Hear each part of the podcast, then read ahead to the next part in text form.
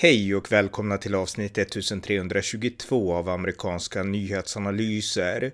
En konservativ podcast med mig, Ronny Berggren, som kan stödjas på swishnummer 070-30 28 95 0. I detta avsnitt följer ett samtal om misshandel. Kvinnomisshandel är ett stort och allvarligt problem, men ett annat problem som i stor utsträckning har hamnat i skuggan av kvinnomisshandel är när kvinnor misshandlar män. I detta avsnitt samtalar jag med Daniel Johansson som berättar om sina erfarenheter av ett förhållande där han blev utsatt för grov misshandel. Ett undanskymt men viktigt ämne som också måste belysas. Varmt välkomna! Daniel Johansson, välkommen!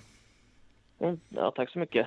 Eh, vi ska prata om ett väldigt angeläget ämne och det är misshandel. Det pratas nu väldigt mycket om kvinnomisshandel, men det finns ju också en annan form av misshandel och det är misshandel av män. Och eh, du har en väldigt personlig historia som du kommer berätta i det här avsnittet. Och eh, jag kan också säga att vi, vi känner inte varandra jättebra, men vi är bekanta, vi har träffats, vi har varit på fest tillsammans och sådana saker. Så jag har ju ändå en del minnen av dig och sådär. Och, eh, och så. Eh, och det var, var från tiden innan du kom in i ett, ja, ett förhållande som sen varit väldigt problematiskt. Men kan du berätta lite kort om dig själv också och din bakgrund och så? Ja, jag heter i alla fall Daniel Johansson i alla fall. Jag är 35 år. Jag är fortfarande gift än så länge i alla fall och bor i Tyresö. Vi har eh, två barn tillsammans. Så, eh, pojken som är äldst, eh, han, eh, han är inte min biologisk utan eh, han är adopterad av mig. Men eh, han är biologisk barn till min fru då. Och så har vi en gemensam liten dotter som heter Linnea. Som, hon fyller snart ett år faktiskt nu. Nu den 15 maj. Okej, okay, det kan jag säga. Det är samma födelsedag som jag har. 15 maj. Jaha, okej, okay, mm. det visste jag inte. Nej, där ser man världen liten. Men, ja. ja. Men så, så, återigen, alltså, vi, vi, träffades 2017 senast. Det var en väldigt trevlig valborgsfest som vi var på tillsammans. Och jag minns att vi pratade lite grann om dataspel och sådana saker och ja, vi hade en del gemensamma intressen liksom på olika sätt och så. Eh, men du var i alla fall singel då. Och sen dess så har vi väl inte haft jättemycket kontakt. Jag vet att du har lyssnat på min podd och vi har skrivit lite på Facebook sådär till varandra. Men jag har inte haft någon djupare koll på dig. Men kan, liksom, ditt liv fram tills dess, alltså, kan du berätta alltså, tills du kom in i det här förhållandet som vi ska gå in djupare på. Alltså, hur levde du innan så att säga? Ja, jag, är, jag har jobbat lite grann några år och så som lokalvårdare. Och sen har jag varit lite engagerad i politiken. Jag var ju tidigare aktiv i Sverigedemokraterna.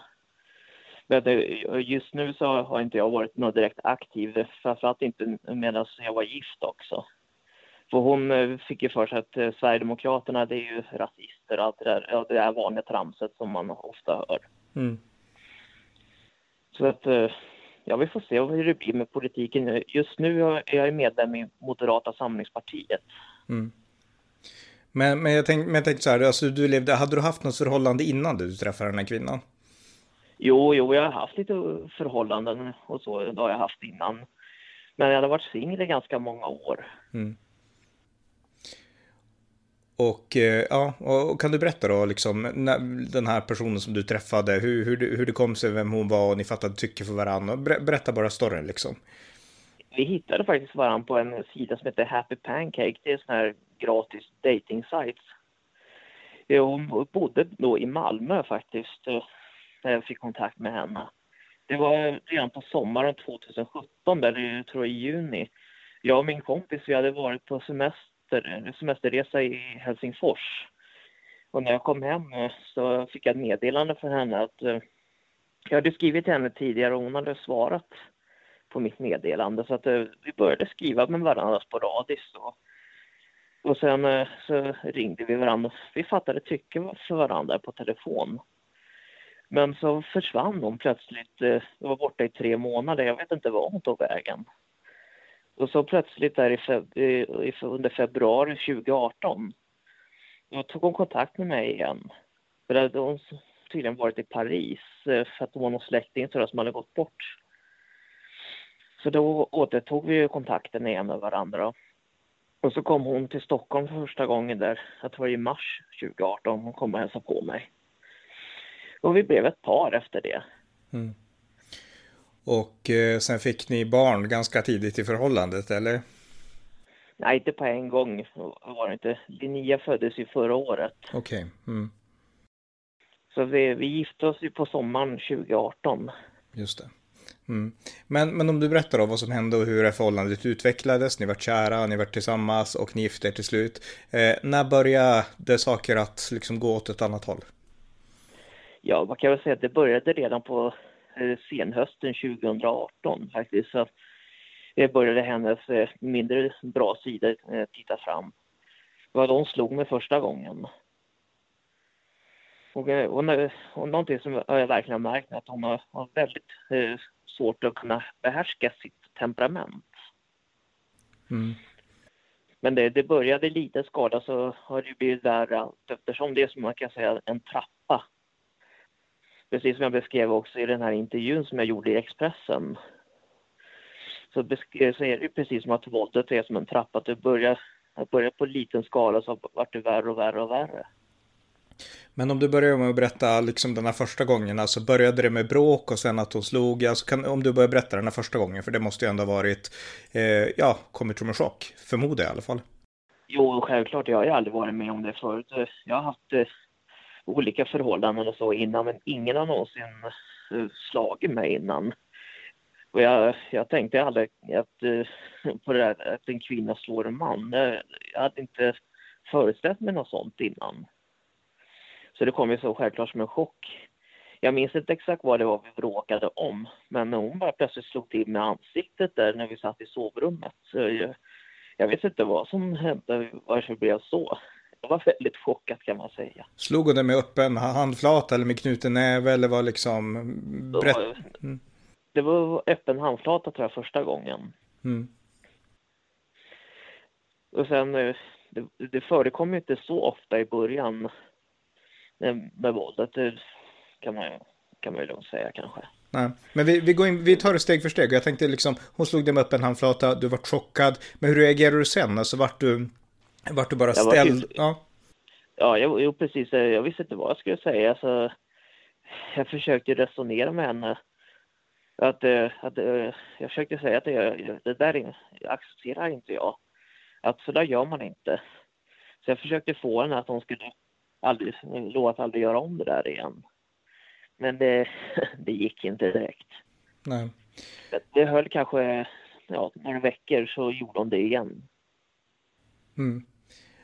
Och eh, det här var, ja, jag har svårt att ställa frågorna för det är så svårt och jag vet inte hur det här är och sådär. Men, men liksom hur, liksom, var det bråk som triggade henne eller var det någonting liksom, varför liksom?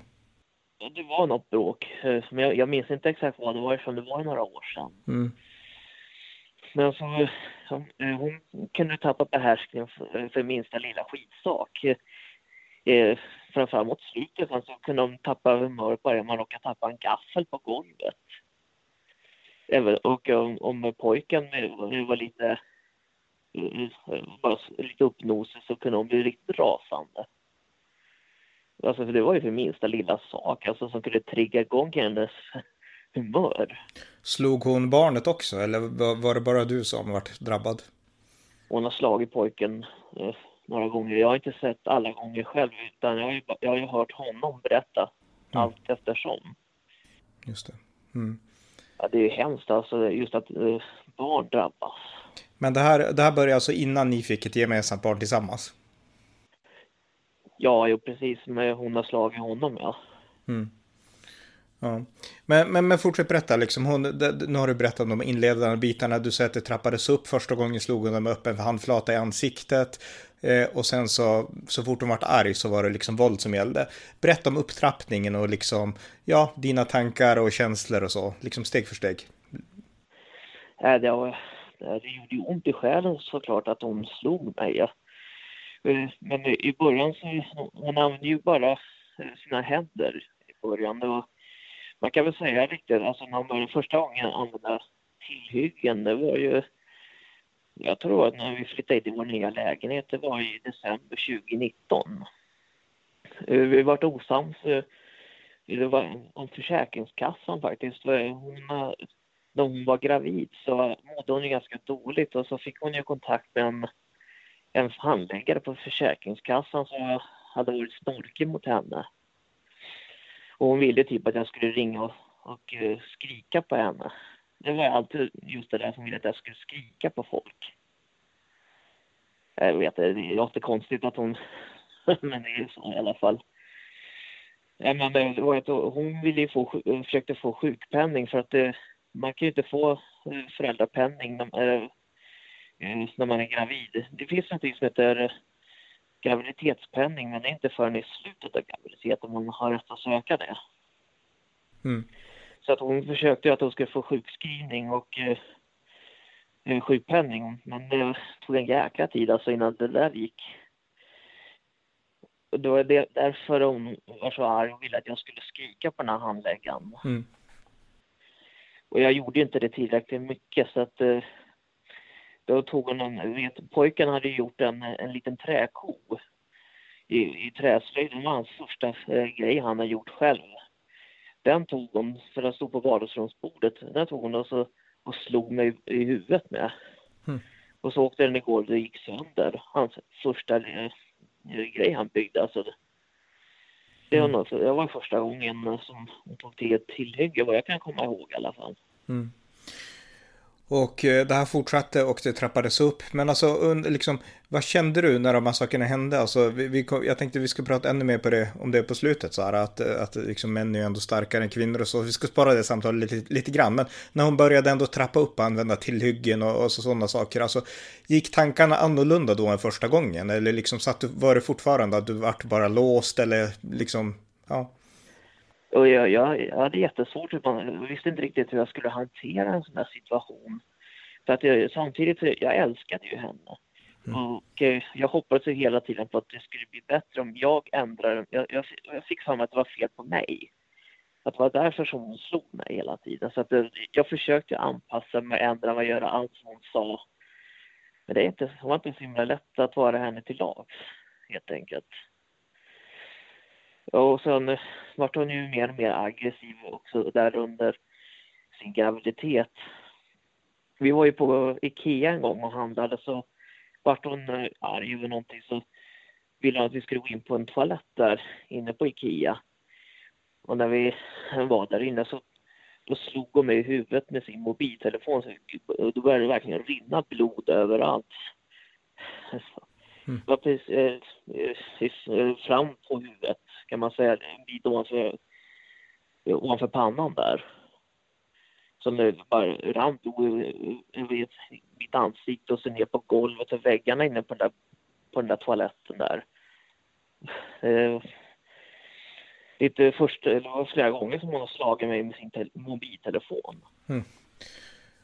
Ja, och eh, du, vad gjorde du då, Du tog bara papper och tryckte på huvudet och gick ut därifrån då? Eller vad, vad hände då sen, nej, nej, i en sån situation, i en sån miljö? Mm. Ja, vi var ju kvar där inne en stund så att uh, hon, hon insåg ju själv att uh, jag kunde inte komma ut och se ut sådär. Så att, då började hon hjälpa mig. Det brukade hon göra efter hon hade skadat mig. De flesta gånger, då skulle hon plötsligt bli omtänksam. Mm. Och, och så tog vi papper och tryckte mot där. Jag lyckades få stopp på blödningen i alla fall. Det, det tog inte så lång tid i alla fall, men det gjorde ont såklart. Eh, inte så mycket själva smärtan, utan det är den inre smärtan som var den, som var den värsta. Alltså, jag tänkte alltså, hur kan man göra så här om man säger så att man älskar en annan människa? Hur kan man vilja skada den människan? Mm. Det övergår mitt förstånd helt enkelt. Var det något du tog upp med henne och liksom ställde den frågan och fick du i sådana fall något svar? Ja, men hon tyckte alltid att det var mitt fel hela tiden. Att jag inte lydde henne. Och det var ju så också jag fick svårt att kommunicera med henne. Och, och det vart ju ännu värre då eftersom eh, jag kunde inte alltid svara på hennes frågor. Ibland visste jag inte vad hon skulle säga riktigt för att hon skulle vara nöjd. Vad jag än sa så var hon aldrig nöjd mina svar. Mm. Var hon manipulativ också eller var det liksom bara pang på aggressivt så här på en gång eller? Jo, hon kunde vara ganska manipulativ. Det kunde hon vara utan tvekan. Hon fick mig till exempel att ta avstånd från min egen mamma och syster. Mm. Så vi umgicks inte på två år. Och varför, liksom, hur, fick hon, hur kom det till stånd? Alltså hur fick hon det att göra det och var, varför ville hon det? Nej men hon, eh, eh, min fru fick ju för sig plötsligt att, att hon inte tyckte om min mamma. att hon var rasist mot henne. Eh, och det började redan innan vi gifte oss. Vi träffades en gång där i Tyresö centrum. Vi var och fikade, det var jag och Claudia och min syster och mamma. Och vi, och vi, vi hade varit inne i, i stan och förberett inför bröllopet. Och så hade vi Eh, köpt några sådana här smycken och så. Så hade hon några sådana här pärlarmband eh, som hon, Claudia ville ge, mina, eh, ge min mamma då. Och eh, mamma tog ju inte emot det för att hon tycker inte om sådana där eh, armband och så, som jag har pärlor. Och det var någon, det var någon missuppfattning där helt enkelt. Mamma menade ju inte att vara oförskämd. Men eh, hon var tydligen väldigt kränkt av det. Det är en del av hennes kultur kanske, man ska inte tacka nej. Hon kommer från ett annat land, alltså vilket land kommer hon ifrån då, din, din fru? Hon är från Madagaskar. Det är ett litet land som ligger, eller till ytan är lika stort som Sverige ungefär. Det är en, en stor ö kan man säga som ligger utanför Mosambiks kust i Östafrika. Mm. Och är hon, alltså, är hon bara född där och uppväxt i Sverige eller är hon liksom, ja, om du bara berättar lite kort om det, du behöver inte gå in så djupt på det, men bara lite grann hennes liksom, vilket land hon har socialiserats i så att säga. Eh, hon bodde ju i Madagaskar ända fram till, eh, jag tror man 18-19 år eller något där eh, som hon kom till Sverige. Det började med att hennes mamma hon dog ju där år 2010, en dag före pojken föddes. Och sen ett halvår senare så dog hennes pappa. Så att det, det har ju varit en, en väldigt jobbig situation för henne också. Det, var, det finns säkert förklaringar till eh, varför hon beter sig som hon gör. Mm. Att det, hon har, jag har inte fått veta allting heller. För att hon är, var ganska sluten om, om många saker som hände under tiden hon var i sitt hemland. Mm. Eh, okej, okay. men okej, okay. hon eh, fick dig att eh, avbryta lite grann ditt förhållande med både din syster och din mamma och sen så fortsatte misshandel och eh, alltså, du har ju skrivit, eller rättare sagt Expressen har skrivit om dig och eh, då har de skrivit under synonym, eller under liksom ett annat namn då, men eh, pseudonym. Men eh, den artikeln heter Erik misshandlats av sin fru, en levande slagpåse. Och där är det alltså bilder på dig när du har blivit slagen. Och det är ju väldigt, alltså det är oerhört grova bilder. Det är liksom bilder på din rygg som är helt sönderslagen och blodig, nästan piskad kan man säga. Det är stora sår på huvudet och det är riktigt otäcka bilder tycker jag att se. Och eh, ja, det är väldigt otäckt. Alltså, om du berättar resan fram till den här riktigt extremt grova misshandeln. Alltså, det fortsatte trappas upp sa du? Ja, det började, alltså, det, det blev ju mycket värre efter vår dotter föddes. Var redan på sjukhuset där, eh, någon av de första dagarna där. Så då började de slå mig igen. Då slog de mig med sin mobiltelefon igen. Så att eh, mitt öga svullnade igen det, det, det gick in, eh, det, började, det var som, jag fick som en stor eh, blodpåse, eller blodbubbla ovanför ögat där. Så gick det ner eh, över ögat där, så jag såg nästan ut som han ringaren i Notre Dame med ett Quasimodo. Mm. Så att, men jag, jag täckte upp för henne hela tiden. Jag ville inte att hon skulle råka, råka illa ut. Mm. Ja. Eh, jag tappar ditt ljud nu Daniel. Du försvinner, jag hör dig inte. Eh, får se om du... Ja, ursäkta. Nu, nu hör jag igen. Bra, jag klipper till där sen så att det är lugnt. Eh, så, ja. Precis, du, du kan fortsätta. Du sa att ja, ögat var uppsvullet, det var som Quasimodo ungefär och du ville inte att hon skulle få skit för det. Var det så du tänkte? Nej, precis. Jag råkade gå in, jag, jag sa att jag hade gått in i en kamp på, vet, på, i de här rummen på på BB så finns det sådana här äh, skötbord. Så jag påstod ju att jag hade gått in där så, så jag, jag gick ut och, och bad om hjälp. Så jag fick en sån här, äh, inte som ispåse utan de, de hade så bindor som de hade lagt i frysen som man kunde ha som slags fryspåse som jag höll, jag höll mot ögat mm. nästan hela natten. Så jag fick ju gå och byta sig allt eftersom. Så att eh, jag lyckades få ner svullnaden kan man säga, efter ett par dagar. Så var det borta. Ja. Men du vill alltså skydda, trots att hon hade slagit dig i en offentlig miljö så ville du skydda henne från att stå ansvarig för det? Ja, det, jag vet det är väldigt dumt att jag gjorde sådär men... Nej men det, det handlar inte om det utan jag är nyfiken alltså, du kände så liksom, jag undrar mer varför, inte att det var dumt alltså, utan mer liksom, ja, varför kände du? Det var, ja, det var mina egna tankar att, att det är dumt att, att jag gjorde det alltså, men det var, jag var kär och jag älskade henne. Mm. Jag, jag, jag, jag splittrade känslor. Å ena sidan var man ju förbannad och arg för det hon gjorde mot mig. Å andra sidan så jag hade jag, var, jag var min, min första hustru. Mm. Och, vi, och vi har precis fått en dotter tillsammans. Så jag ville inte bryta upp då, just för att jag, jag ville göra allt för att hålla ihop familjen. Det var min, min enda strävan just då. Mm. Helt och, enkelt. Mm. Och sen kom ni hem och det fortsatte där? Ja, precis allt eftersom. Det var ju framförallt också när vi skulle betala räkningar och allting som Hon ville ju alltid ha kontroll över allting hela tiden. Och jag, jag vill inte, jag, jag tänkte vi hade ju ingen, vi hade inte gemensam ekonomi utan vi hade ju separat. Så att eh, hon krävde hela tiden att få se vad jag, eh, mitt kontoutdrag. Jag tyckte att vissa saker vill man ju faktiskt inte dela med sig av hela tiden. För jag begärde ju aldrig att kolla vad hon köpte. Hon ville alltid veta vad allt jag handlade. Mm. Hela tiden. Jag gick aldrig och bad om hennes, hennes kontoutdrag. Så att eh, för mig fick hon köpa vad hon ville för sina pengar. Men mig skulle hon alltid kontrollera hela tiden. Även min mobiltelefon också. Jag fick inte ha kontakt med vem jag ville. Hon var väldigt lätt så här svartsjuk. Mm. Fick du ha kontakt? Du fick inte ha kontakt med andra kvinnor antar jag, men fick du ha kontakt med kompisar, alltså killkompisar och så eller? Knappt, det kändes det som. Jag har en kollega på jobbet som jag skrev väldigt mycket med. Och hon var väldigt arg om jag skrev för mycket med honom. Hon försökte tvinga mig att jag skulle blocka honom. Hon ville typ, det kändes som att hon ville ha mig för sig själv. Mm. Hon kunde med nöd och näppe eh, acceptera min pappa. Men det var inte ofta som han fick eh, träffa mig eller träffa oss överhuvudtaget för henne. Mm.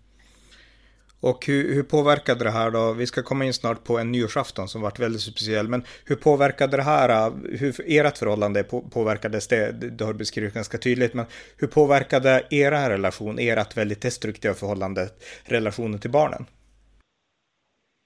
ja, det, allt blev ju såklart... Allt blev värre och värre allt eftersom tiden gick i alla fall. Men efter det att eh, min dotter föddes så, det, så då började hon ta till även träskedar. Började hon ta till mot mig.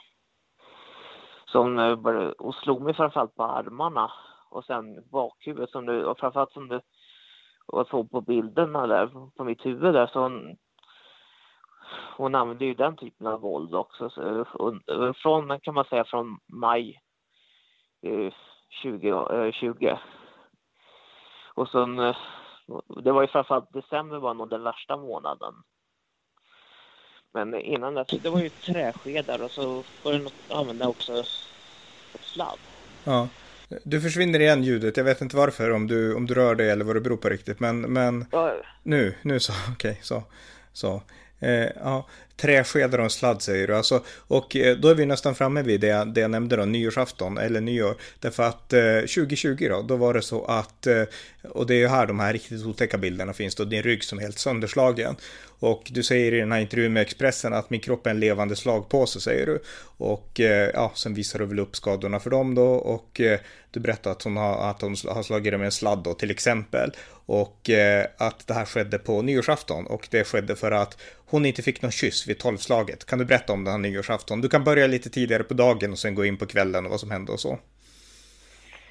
Ja, hon, eh, hon var ju lite lynnig i humöret redan tidigare på dagen där så och så det som också fick henne att bli sur först var ju att jag skickade nyårshälsning till mina vänner. Eh, det brukar man ju göra, det är ju naturligt att man gör det på nyårsafton. Och då fick hon för sig att inte jag visade någon uppmärksamhet till henne. Och så var det några minuter före tolvslaget där så, så skickade jag till henne och till den här killen som hon ville att jag skulle blockera, som jag talade om tidigare. Mm. Och då var hon väldigt arg. Så att inte, eh, att jag inte gick fram till henne. Vi stod vid balkongen, eh, vid balkongen där i vardagsrummet. Så var hon arg för att inte jag kysste henne. Ja, det, jag kände, jag, det kändes som att det tog emot, framförallt den sista tiden. Att, eh, jag kände att jag, jag ville inte. Det var någonting hela tiden inom mig som tog emot då. Att eh, försöka visa någon form av ömhetsbetygelse. Mm. Hon är själv inte så särskilt duktig på att visa sånt. Och I alla fall, det var ju början på eh, helvetet kan man säga. Att inte jag pussade henne där. Och, och sa att nu hade vi chansen att, att göra 2020, eller 2021 till ett bra år om vi skulle inleda med en kyss. Mm. Men jag, så sa hon att jag hade förstört allting och det. Och så innan hon fortsatte då, så du ringde hennes bror. Han firade ju nyårsafton i, i Malmö. Och sen eh, de eh, pratade en liten stund och sen när hon la på det så, så satte hon igång igen. Vi befann oss ju fortfarande i vardagsrummet då. Och då slog hon mig i ansiktet först. Med en öppen handflata. Och sen så, eh, så eh, tog hon eh, sån åt pojken att hon, han och dottern skulle in i sovrummet för jag, jag anade ju vad det var hon skulle göra. Så då sprang hon och hämtade träskeden sen. Hon hade ofta det tillvägagångssättet och började först med, med, med sin hand och slå mig. Och så började hon övergå sen till att slå mig med träsked. Och jag försökte ju hela tiden ta ifrån henne den. Och då, om jag tog ifrån henne träskeden då skulle, ville hon straffa mig. Då ville hon övergå till, till sladden istället. Det var min datorladdare som hon använde. Mm. Så, vi flyttades ut i köket där så att eh, hon, eh, hon, hon ville att jag skulle krypa ner på golvet och skrek böj, böj flera gånger. Hon ville uh, ge mig, och sa att hon ville ge mig först 20 rapp för sladden. Jag, jag är inte någon sån som, jag vill absolut inte beslaga men jag visste inte vad jag skulle göra för jag, jag tänkte då, om hon lugnar ner sig, eh, då kanske det är bäst att man gör som hon säger. Ja. Jag vet inte annars vad hon skulle göra, så att eh, jag gjorde ju det då. Du, du la det på golvet, så, eller vad då? Eller, jag, jag, jag satt mig ner ja. och så piskade de mig och så räknade hon eh, på franska, så här, un, deux, trois. Okej. Okay. Ända fram till 18 eller 19 eller 20. Då. Men hon, hon var inte nöjd. Hon, sen ville hon plötsligt ge mig 50 rapp. Efter, eh, och, det, och då, då, vägrade jag. Så att eh, då vart de förbannad för det. Och så hon kunde bara slå mig besinningslöst om med sladden. Alltså när jag stod upp så började hon, hon jagade mig och sen slog hon mig överallt där de kom åt med sladden. Så därför jag fick, jag fick märken även i, i ansiktet då efter den här förbaskade sladden. Mm. Och du, du skrev... Ja, sen... ja, jag tänkte bara inflika här. Du skrev, alltså I Expressen då så, så säger du också att det här var inte första gången hon slog i dig med sladden, även om det kanske var värst denna nyårsafton. Men att då skriver du att du bad henne ibland att kan du åtminstone inte slå mig med träsked istället för sladden? Eh, för att, ja, den är så hemsk då ungefär. Ja, det gjorde inte lika ont. Just den här sladden, det sved ju extra mycket. Mm. Det, det, just så det fungerar kan man säga som en piska.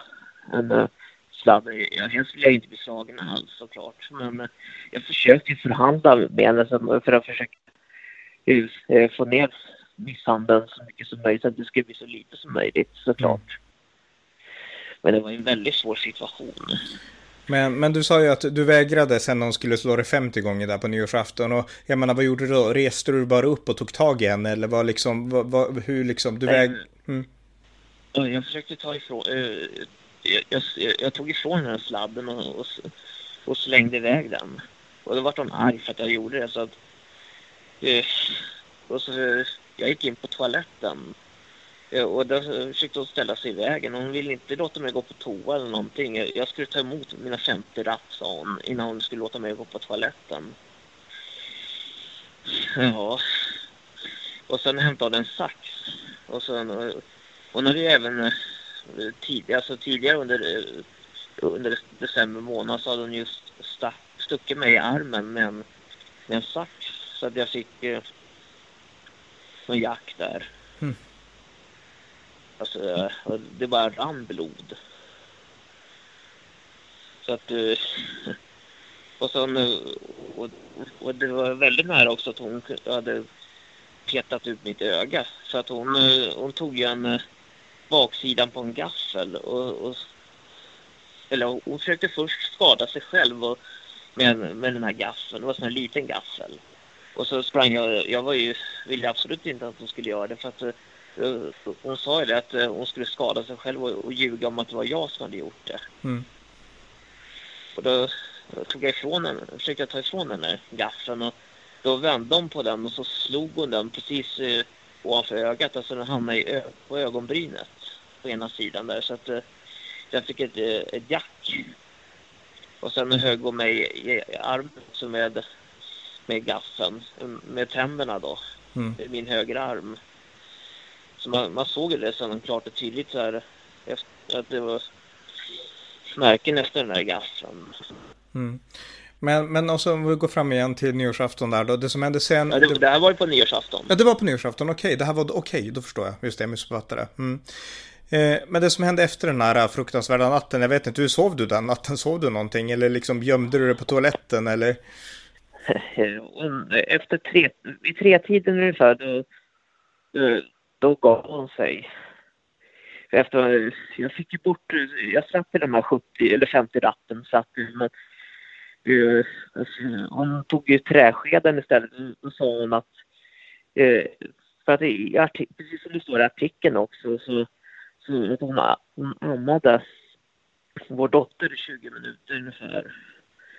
Och så sa hon efter det att, eh, att hon skulle ta träskeden då istället, men hon skulle inte räkna antalet gånger. Om jag var still och, inte gjorde motstånd så om jag hade tur så kanske hon bara skulle ge fem ratt. Men hon sa att hon inte skulle räkna så hon slog och slog och slog, framförallt över mina händer mina händer så jag varit alldeles svullen där. Mm. Och så slog hon mig på armarna och så i, i mitt bakhuvud. Och efteråt, vi skulle gå och lägga oss, fick jag, hon sa att jag fick, skulle sova på golvet i, i sovrummet. Och där var vi tre tiden alltså. Jag hade jättesvårt att sova. Det var det är flera gånger som hon, de sista gångerna där som under december 2020 som hon tvingade mig att sova på golvet. Mm. Så jag fick bara, jag, till och med ett påslakan och svepa om mig. Och sen gick jag upp, eh, kanske vid sjutiden för jag skulle upp och jobba. Eh, där så på nyårsdagen. Mm. Och då, eh, jag jobbade, var jag och städade då på Willys i Sickla. Mm. Det ligger också utanför Stockholm.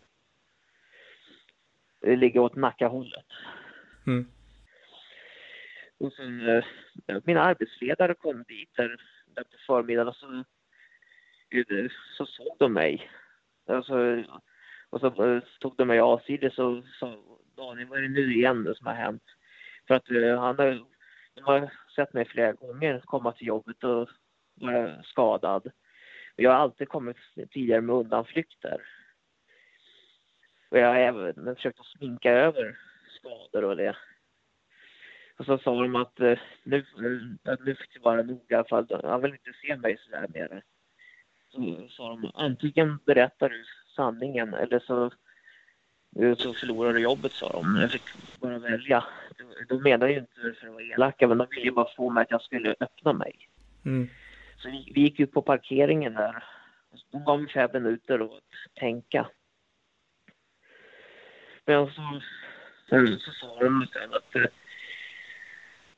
att eh, om jag är beredd att prata så skulle de göra allt för att hjälpa mig. Så då, de körde mig då till Nacka närsjukhus. Hade de innan du kom in dit, hade, hade de anat innan vad som verkligen, liksom vad som försiggick? Eller var det liksom, hade du lyckats dölja det? Eller förstod de redan, alltså i tidigare skeden att du blir nog... Ja. De, ja, de förstod att det var någonting som var fel i alla fall. Så att, jag hade medgett att min fru, tidigare också att min fru var slagit. Men jag, jag, sa att jag skulle försöka stoppa det själv för jag vill ju inte dra in myndigheterna. Mm. Jag, jag, jag sa att jag skulle försöka fixa det själv och få dem att förstå att, att de måste sluta. Så jag, jag försökte prata med henne att, eh, att de började att de misstankar på jobbet att det är någonting som inte stämmer. Men eh, det vill hon, hon vill inte lyssna. Och det straffade sig helt enkelt. Mm. Ja, jag berättade i alla fall som det var eh, i, i bilen då, på väg till sjukhuset. Jag bröt ihop helt enkelt. Jag kunde inte hålla det inom mig längre. Och så kom vi fram till Nacka sjukhus där och sen eh, tog läkarna emot mig. Och, då, eh, och på grund av coronarestriktioner det så de fick inte följa med in utan de, de fick sitta kvar i bilen på parkeringen. Och så kom jag in där på sjukhuset och så de var chockade alltså när, när jag fick ta med kläderna. De skulle undersöka mig. Jag hade skador över hela jävla kroppen. Mm. Jag, precis som jag beskrev det för polisen också, att jag, jag kände mig som en levande slagpåse. Mm. Alltså jag, hela ryggen var full med rapp. Och i bakhuvudet så hade jag svullnader och... Gud alltså. och så visade de, de fotade mig såklart.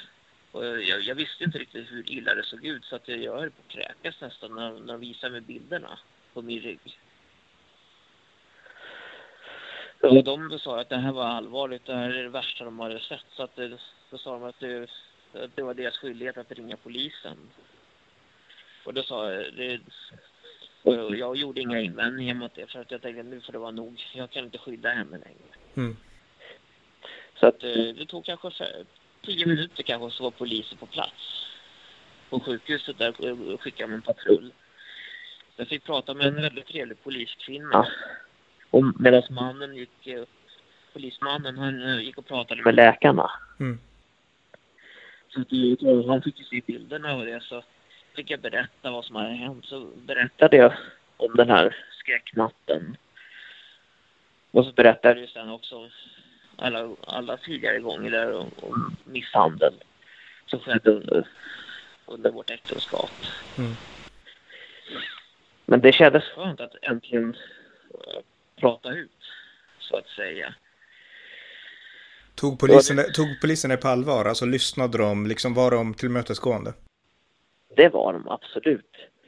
Mm. Det var också en av anledningarna till att jag, att jag höll tyst innan. För jag, jag var rädd att jag inte blir trodd eftersom jag är man.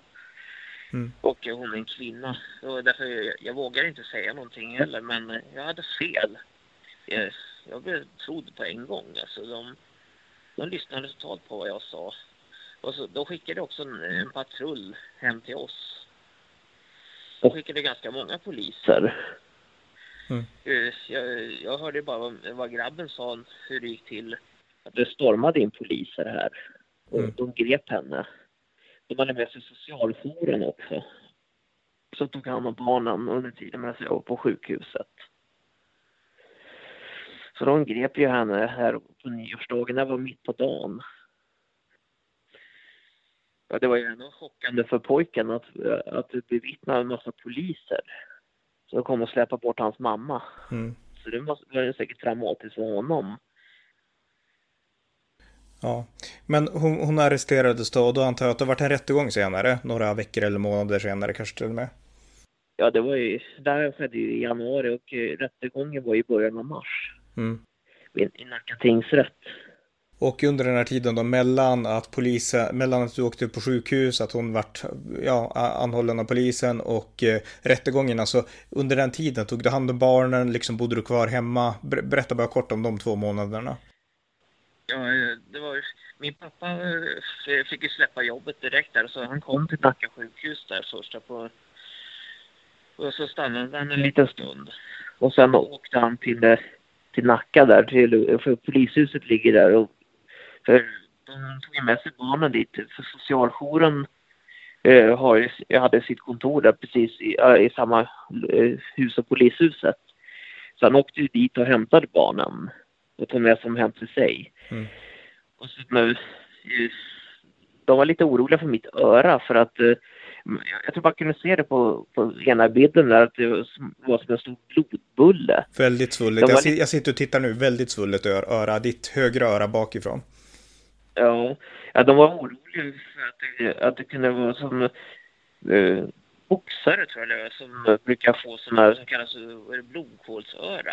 De, de, ville, de, de var inte så duktiga på sånt på Nacka sjukhus så att eh, de skickade mig till Huddinge för de hade en speciell eh, avdelning där för eh, som har med öron att göra så att jag fick sätta mig på en taxi och det var ju sent på kvällen och så vi eller det var ju sju, åtta på kvällen. Mm. Jag hade varit där på hela dagen där, först i Nacka, så fick jag åka till Huddinge.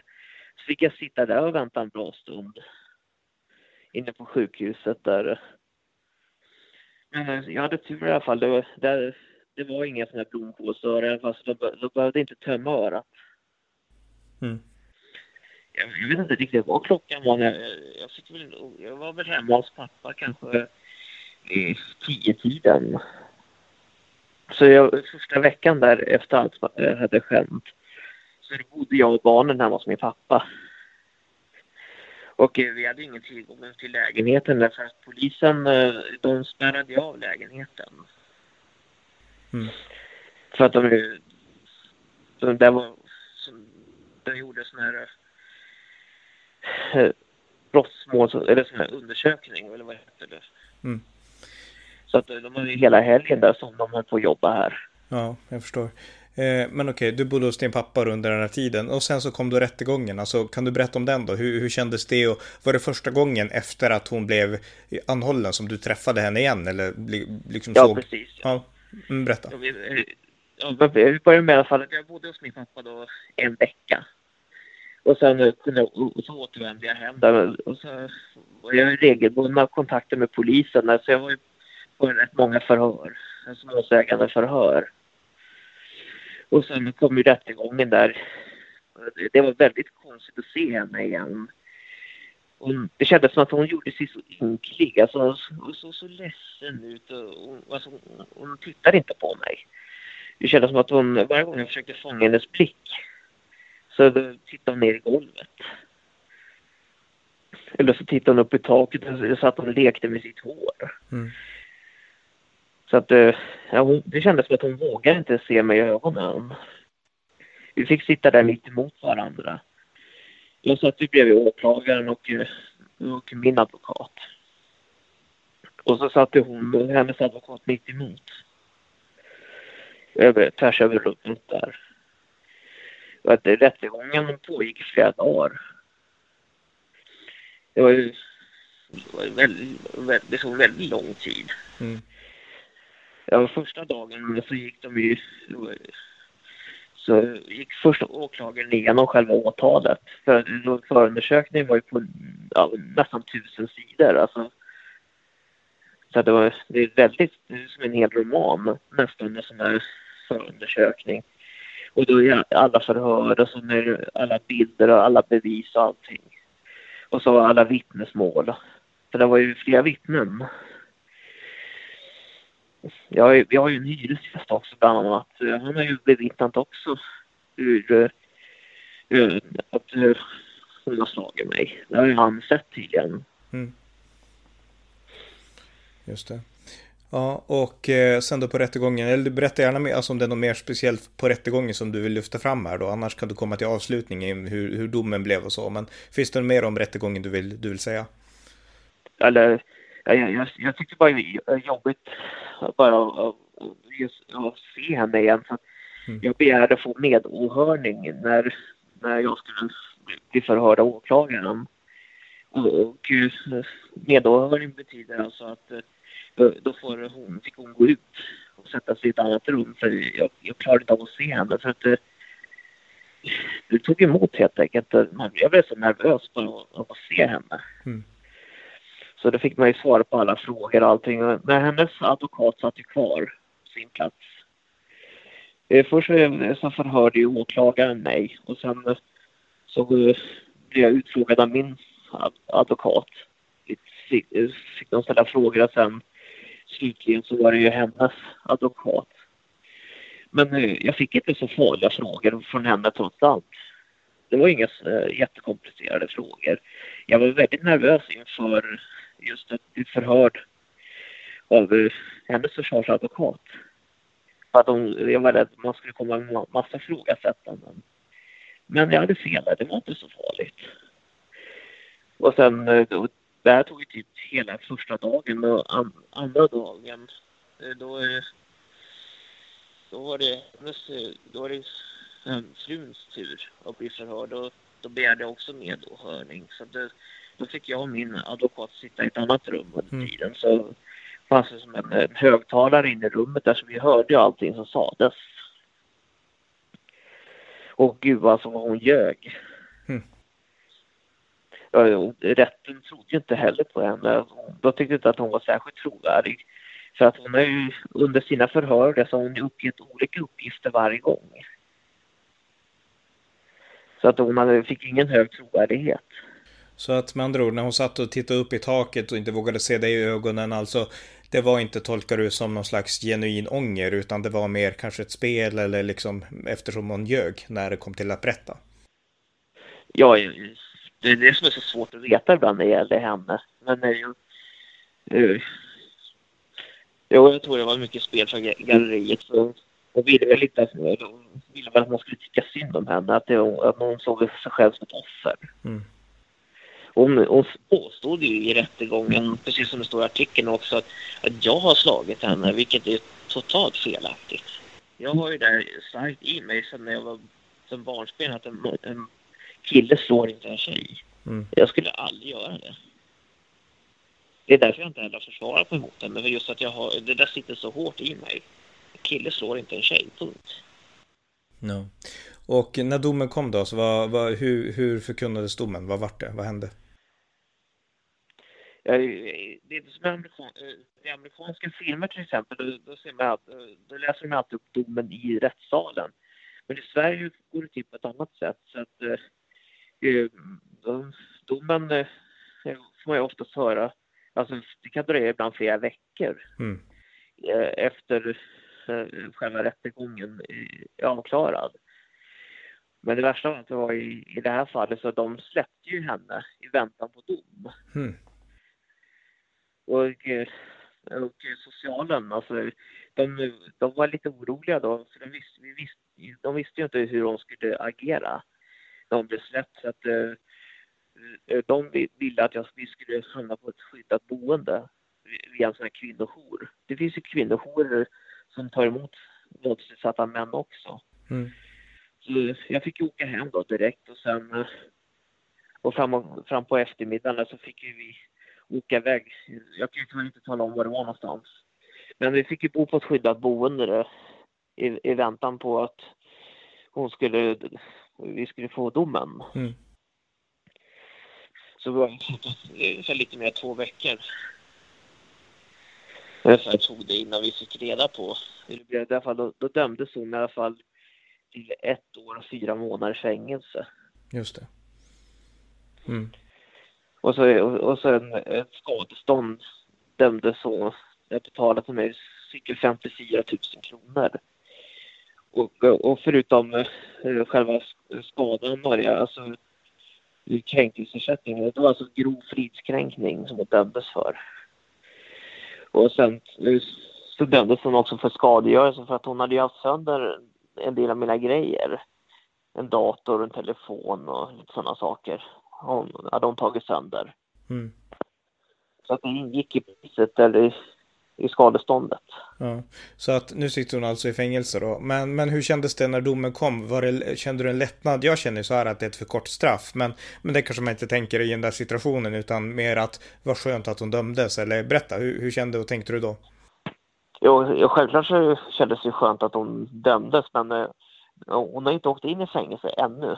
Okay. Utan Eh, för att eftersom åklagaren, eller åklagaren ville ju att hon skulle vara kvar.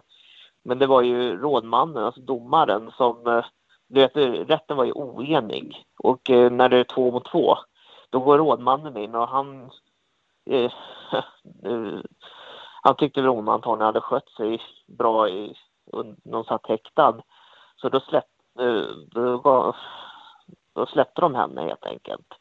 Okay. Så att eh, hon, vi väntar fortfarande nu för att det, det var, blev ju överklagat i alla fall till hovrätten. Så vi väntar ju på det nu. Det, och det vet man ju inte hur den svenska byråkratin hur lång tid det tar. Men, men alltså vadå, hon är alltså fri på, på fri fot fortfarande? Bor du fortfarande på skyddat boende då eller? Nej, vi fick, vi klarade inte av att bo kvar där längre så att eh, vi bodde i en liten lägenhet på bara 20 kvadrat eller vad det var så att eh, det gick inte alltså. Vi trampade ju bara på tårna. Mm. Så att eh, vi, vi fick helt, jag begärde helt enkelt att vi fick åka hem.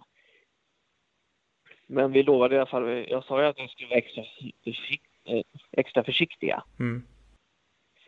Men i alla fall, ingenting har ju hänt i alla fall. Så hon har inte försökt sig på någonting. Nej. Ja. Men just det, ja men då får vi vänta på att straffet verkställs. Men då tänkte jag om vi går in på nästa del i det här samtalet och det är ju liksom Dels lite grann vill jag fråga om hur det här kunde hända, därför att jag menar, eh, alltså generellt så, det pratas ju mycket om mäns misshandel av kvinnor och vi har haft en del mord, eh, uppmärksammade mord på kvinnor och sådär. Och eh, ett faktum är ju att kvinnor är biologiskt svagare generellt än män och det gör att de blir extra utsatta. Och då kan man väl i all enkelhet tänka att du var ju starkare än din fru med liksom 95% säkerhet. Eh, men i första hand så handlade ju inte det här om det fysiska våldet utan om det psykiska. Kan, kan du berätta om det liksom lite grann? Alltså, för det måste vara det, det, det, psykiska, liksom, det psykiska våldet som gjorde att du tillät dig bli utsatt för det fysiska. Ja, precis. Hon, hon bröt ju ner min självkänsla helt enkelt. Jag fick ofta höra att jag är värdelös, en idiot, jävla svin och alla möjliga sådär kunde skrika om jag gjorde minsta lilla fel. Så, så skrek hon där. Och det kunde bara vara om man råkade göra minsta lilla fel helt enkelt. Bara man råkade tappa en gaffel på golvet så kunde hon skrika jävla idiot. Så att hon, hon bröt ner mig helt enkelt kan man säga. Så att jag hade nästan ingen självkänsla alls. Hade, hade du självkänsla innan du träffade henne? Eller var det liksom... Jo, jo, jo. Jag, jo, jag hade ju mer självkänsla då. Hade jag. Man kände sig inte lycklig. Alltså, det gjorde jag inte innan. Som jag, jag, jag ville ju träffa den stora kärleken och någonting. Det var det jag drömde om i flera år. Att lyckligt gift och få barn och, och familj. Mm. Men det, jag, jag hade ju ändå mer självkänsla då. Men så jag var väldigt lycklig i början när vi gifte oss för att allting var så jättebra i början. Men successivt så bröt hon ju ner mig, mitt psyke. Och det gjorde helt enkelt att man, eh, man orkade inte göra motstånd, mm. helt enkelt. Det finns något som heter normaliseringsprocessen som vi även tog upp under rättegången. Att man eh, till slut, alltså det är rent psykiskt, alltså man eller acceptera våldet. Man säger. Det är ju just den här, att man ser det som någonting naturligt. Det är den här normaliseringsprocessen. Mm. Just det. Mm. Ja, det är jätte, jätte, jättesvårt och komplicerat för de som kanske inte har varit, som inte har varit med om det. Men jag försöker i alla fall beskriva så gott jag kan i alla fall. Ja, men det gör du. Det är jättebra. Mm, mm. Men jag, eh, jag märkte också att eh, efter den här artikeln publicerades så eh, jag har sett att folk ibland har delat den på Facebook och direkt när man ser kommentarerna där så läser man, det kommer alltid, det är oftast män som mm. ifrågasätter direkt. Mm. Att eh, jag kunde inte hålla käft. Så jag var tvungen att, jag, jag skrev en kommentar att det, var, att det är jag som är Erik. Mm. Och eh, så sa jag att eh, det är inte så himla enkelt att bara, att bara bara kasta ut henne. Okej, okay, så det, det, du, du har alltså blivit ifrågasatt av män för att du, hur kan, hur kan det där, måste vara bara någon tönt som, som liksom upplever det där liksom. Och så män har ifrågasatt det där, hur, det där skulle aldrig jag låta hända eller? Ja, precis. Men jag var, jag var, jag var försvarad av kvinnorna. Men det var inte alla män heller, det var ju bara, det var bara enstaka få män som skrev sådär. Men, men efter jag skrev mitt inlägg och det, då, de flesta höll käft på efter det. Mm. då, då var de liksom inte så himla modiga längre när jag själv gav mig in i debatten. Nej, då var det du som var modig. Ja. Eh, men, men, men jag tänkte, ja, det här, det här är intressant och vi kan, vi kan prata mycket om det. Jag känner att jag har kanske inte tillräckligt bra frågor, men berätta lite mer själv om de här alltså, psykologiska processerna i det här. Ja, alltså, jag vet inte när du när du läste på universitetet, fick du lära dig någonting någon gång om den här normaliseringsprocessen? Fick höra om den någon gång då? Inte i förhållande till, nej, det kan jag väl inte säga riktigt. Jag förstår ju vad du menar ungefär, men, men, men likväl liksom, alltså, man vaggas in kan jag tänka mig att det här är min tillvaro och sen så finner man sig i det och liksom kan inte tänka utanför den bubblan, gissar jag.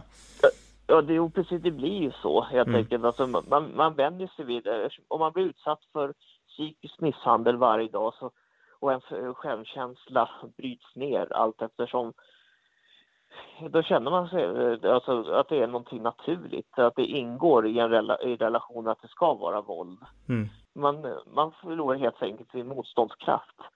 Det är så en kvinna till exempel kan bryta ner en man som kanske är ja, fysiskt starkare såklart, och det är jag. Men jag, jag vill inte använda den på henne heller för att jag har ju det där starka i mig också att en man slår inte en kvinna jag hatar våld mot kvinnor. Det är det värsta jag vet. En, en, en stor stark man som ger sig på en värnlös kvinna. Mm. Så att det, därför också jag inte gjorde motstånd. Dessutom, om jag skulle försvara mig på något sätt, hon skulle inte tveka på en sekund att använda det mot mig. Nej. Så jag försökte också tänka strategiskt också samtidigt. Mm. Eh, jag tänkte också fråga, liksom, alltså, en fråga om henne, alltså utåt sett, alltså, var hon aggressiv, alltså, kunde andra, liksom, hade hon en fasad utåt som var liksom på ett helt annat sätt än det hon hade inåt? Ja, jo precis. Att, eh, om, när vi träffade folk och så ute, om vi var och hälsade på min faster till exempel, om vi var hem till pappa eller någonting, då, då spelade hon ganska mjuk och väldigt blyg. Hon sa inte så mycket då. Så då fick man se den sidan hon hade ju, hon hade ju en väldigt mjuk och snäll sida också. Det är det, det, är det som är det jobbiga. För att hon, när hon väl vill, då kan hon vara jättesnäll och fin och gullig. Och så skiftar hon, det är som två personer. Mm. Ja, det är en väldigt speciell person. Och hon har ju väldigt bra sidor också.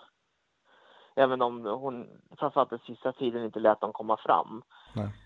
Och det var ju framförallt efter att vår dotter föddes. Mm. Eh, om vi avrundar med min sista fråga egentligen och det är, eh, du har ju berättat lite grann om att det tog emot att liksom be om hjälp för du trodde inte att du skulle kunna få hjälp av samhället. Eh, sen gjorde du det i alla fall, du fick lite hjälp av dina kollegor och de var förstående. Eh, du fick eh, stor förståelse på sjukhuset, du fick stor förståelse av polisen och eh, ja, rättegången, även om rätten inte var helt enig så, så gick det ändå din väg. Alltså, Eh, känner du ändå att, för jag, jag, kan ändå känna så här att det ämne vi pratar om nu, alltså kvinnors misshandel av män, det är alldeles för underbelyst och eh, eh det är nästan bara strålkastarljuset på kvinnomisshandel. Eh, har du några tankar kring det? Kring, kring liksom, alltså samhället, män i din situation, finns samhället där för dem också?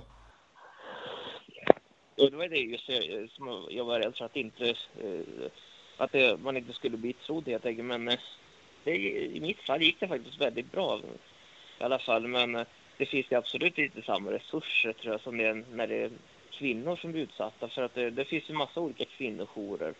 Jag känner, jag känner inte till på rak arm sen någon mansjourer. Det, det hör man ju aldrig någonting om i, i debatten. Alltså man, man talar inte heller i samhällsdebatten om kvinnors våld mot män. Det, jag har aldrig hört om det, inte vad jag kan komma ihåg i alla fall, att man talar om det. Jag såg ju senaste Agenda-debatten. Man talar bara om män som förövare. Mm. Men man hör, ju, man hör ju aldrig någon gång om, om när det är tvärtom. Jag, tycker, jag vill bara lyfta fram att även det perspektivet finns också. Att det finns, att våld har två sidor, alltså mynt har två sidor. Mm jag tror det är viktigt att lyfta fram det. Ja, och om man som man är i ett sånt förhållande som du, du var i, liksom, om man kanske lyssnar på den här podden eller på, läser den här artikeln i Expressen eller läser på Facebook eller så om dig. Jag menar, det viktigaste är väl att förstå att det här är inte liksom så skammigt att, att man liksom ska fortsätta dölja det, utan man ska anmäla, man ska liksom söka hjälp och det liksom, män kan också misshandlas. Det är liksom någonting som alla måste inse och eh, det är liksom inte sämre eller liksom, det finns ingenting att skämmas för helt enkelt. Nej, självklart inte. Så är det självklart inte. Så finns det, det finns kanske eh, eh, vissa människor som kommer ifrågasätta en såklart, men det är inte värt det. Eh, man ska inte behöva leva i en sån där typ av relation, oavsett vad folk än säger. Men jag, tror ändå att det här måste upplysas mera, för just att få bort den här typen av föreställningar som vissa har. Mm. Att man kanske ses som att man är svag. Att man är en svag man eller, som inte vågar göra motstånd. Jag, jag tror helt enkelt att det här måste lyftas upp. Jag är, jag är beredd att ta den, eh, ta den fighten i debatten och, om nu och folk är intresserade av att höra vad jag har att säga. Jag har även tänkt på just det politiska, att ge, jag vill ge mig in i politiken mm. igen. Mm. Ja, alltså du har ju verkligen, alltså, du, du är verkligen modig nu när du liksom går ut med namn och, och berättar det här liksom väldigt extremt personliga liksom, upplevelserna. Så att eh, det går inte att säga att du inte är modig, skulle jag säga då. Eh, ja. Ja, jag har inga fler frågor faktiskt. Det, det är ju så stort ämne och sådär. Men har du något mer du vill säga eller berätta liksom, om det här eller ja, någonting, vad som helst? Ja, det enda jag kan säga i alla fall nu, jag, jag tänker nu i alla fall att jag vill satsa på, eh, på att kunna vara ett stöd för andra män i den här situationen. Mm. Och framförallt så vill jag också ge mig in i det politiska. Jag ska se just inom Moderaterna för att om man har någon möjlighet där att kunna bedriva den här typen av frågor, men det, det tror jag det borde kunna gå. Mm. Framförallt nu också när det verkar som att partiet går mer åt det konservativa hållet idag.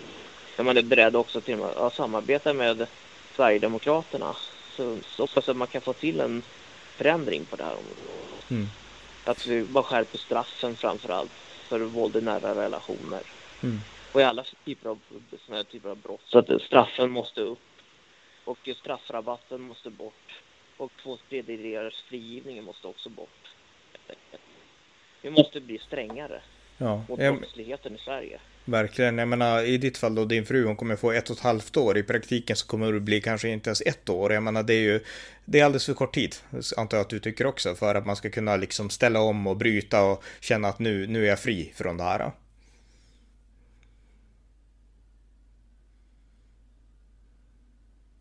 Nu, nu försvann du Daniel, jag hörde inte. Du måste, jag vet inte, jag hörde inte alls nu.